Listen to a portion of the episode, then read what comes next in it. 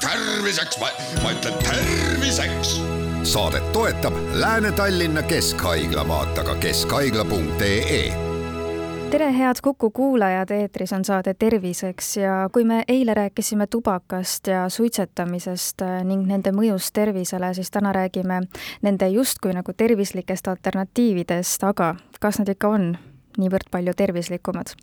mina olen Ingela Virkus ja koos minuga on stuudios Lääne-Tallinna Keskhaigla tubakast loobumise nõustaja ja Tervise Arengu Instituudi terviseriskide ennetamise keskuse tubakavaldkonna ekspert, doktor Tiiu Härm, tere taas! tere! me jõudsime eelmise saate lõpus müüdini, mille te ka kohe ümber lükkasite, et mokatubakas ja e-sigaret ei pruugi sugugi sellisest klassikalisest suitsust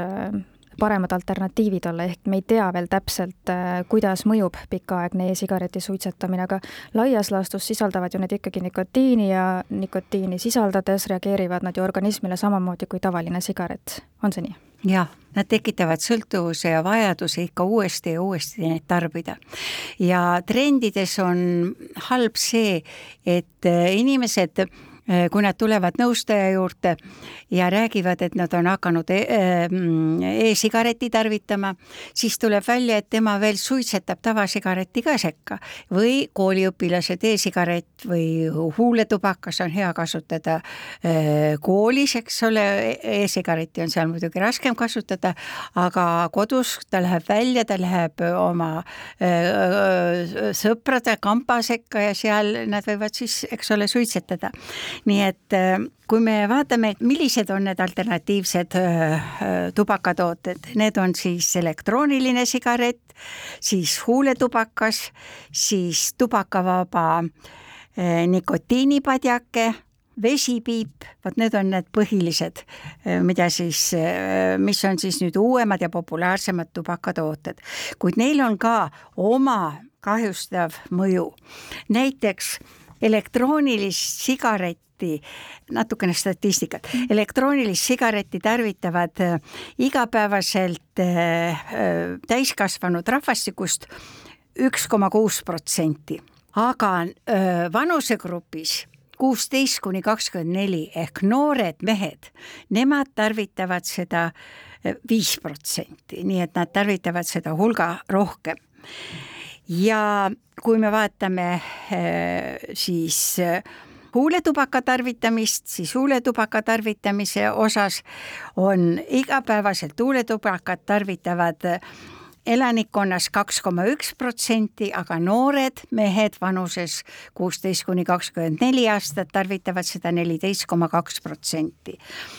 ja kui vaadata huuletubaka ja sealhulgas ka selle nikotiini, äh, tubakavaba nikotiinipadjakese ehk valge huuletubaka äh, tarvitamist äh, noorte seas, siis kui vaadata niisuguse regulaarsusega, et mitu korda kuu lõikes, mitte igapäevaselt, vaid mitu korda kuu lõikes, siis see tarvitajate protsent on veel suurem, kakskümmend neli protsenti. ja kahjuks ka kooliõpilaste seas, kui küsida, et millal ta siis teeb oma esimese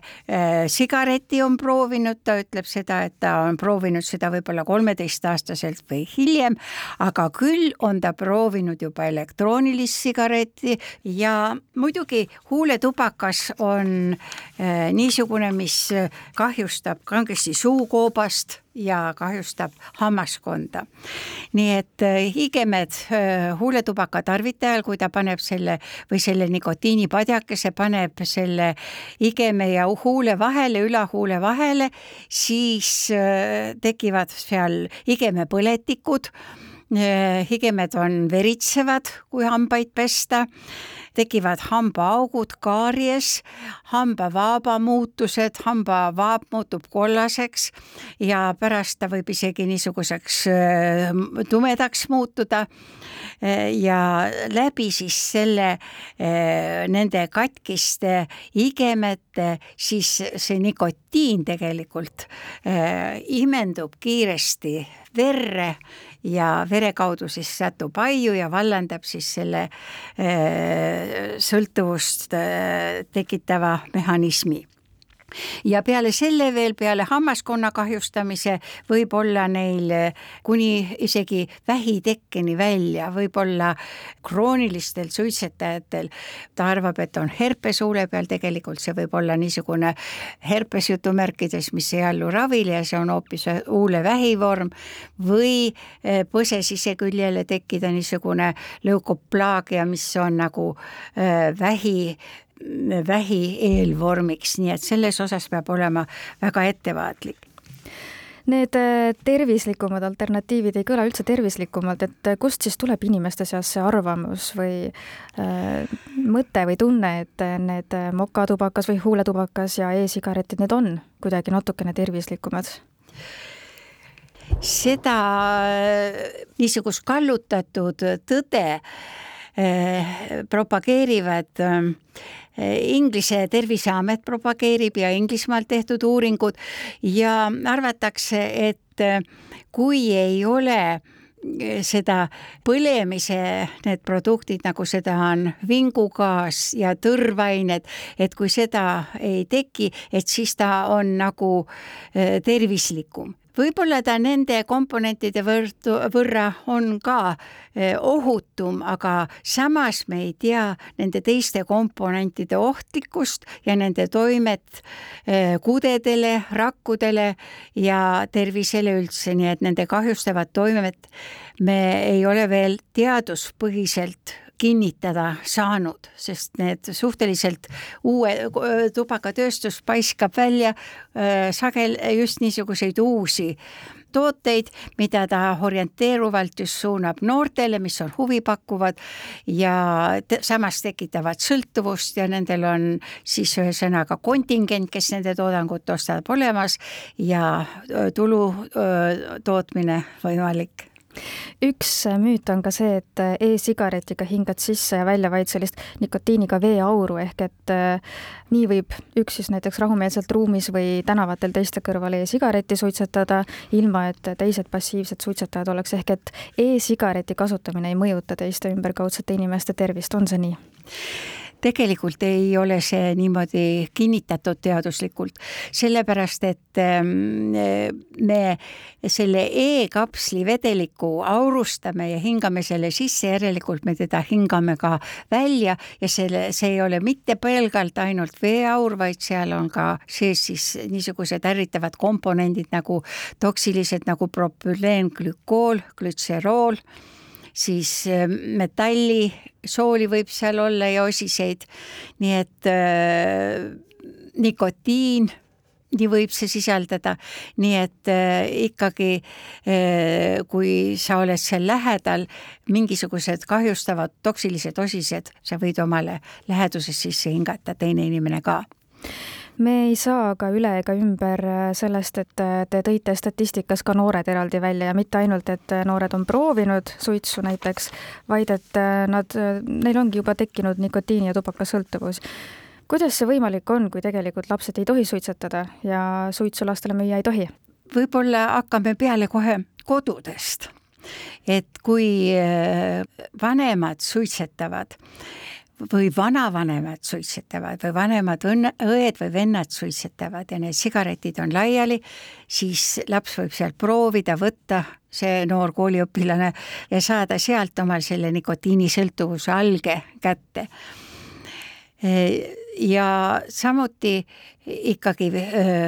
vaba aja sisustamine, mida teeb laps vabal ajal, kellega ta suhtleb, kellega ta lävib, palju talle on antud taskuraha, milleks ta seda rakendab, milleks ta seda kasutab? Ja see perekondlik tasand ja nõupidamine ja vestlemine ja rääkimine ja kuulamine ja huvitumine, millega laps tegeleb ja kellega ta suhtleb, see on väga oluline. väga oluline, et meil on teada,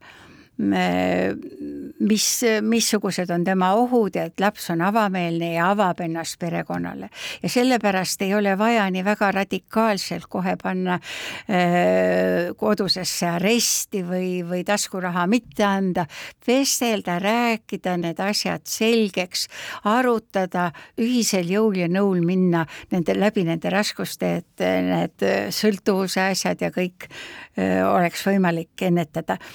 ja muidugi töötavad siis tubakast loobumise nõustamise kabinetid, kuhu võivad vanusest hoolimata pöörduda kõik, kellel on probleeme.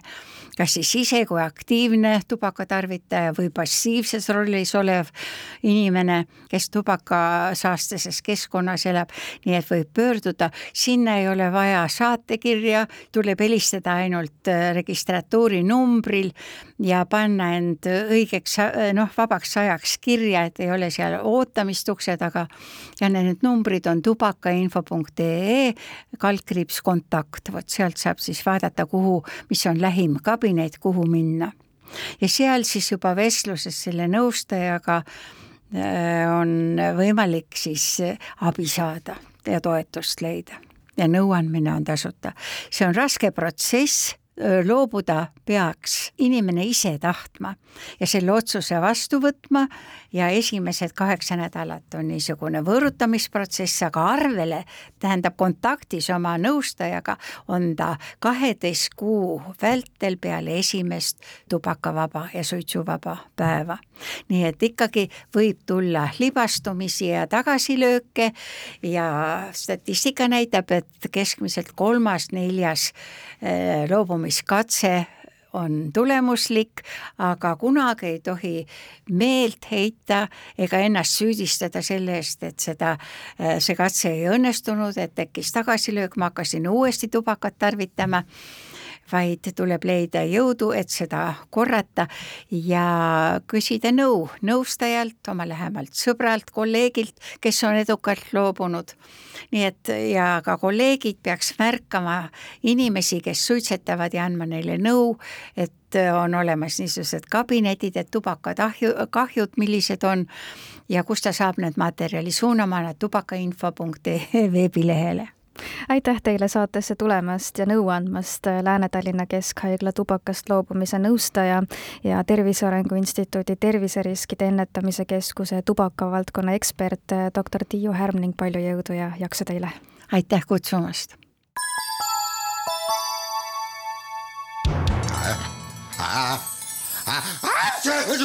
terviseks, ma ütlen terviseks saadet toetab Lääne-Tallinna Keskhaigla, vaata ka keskhaigla.ee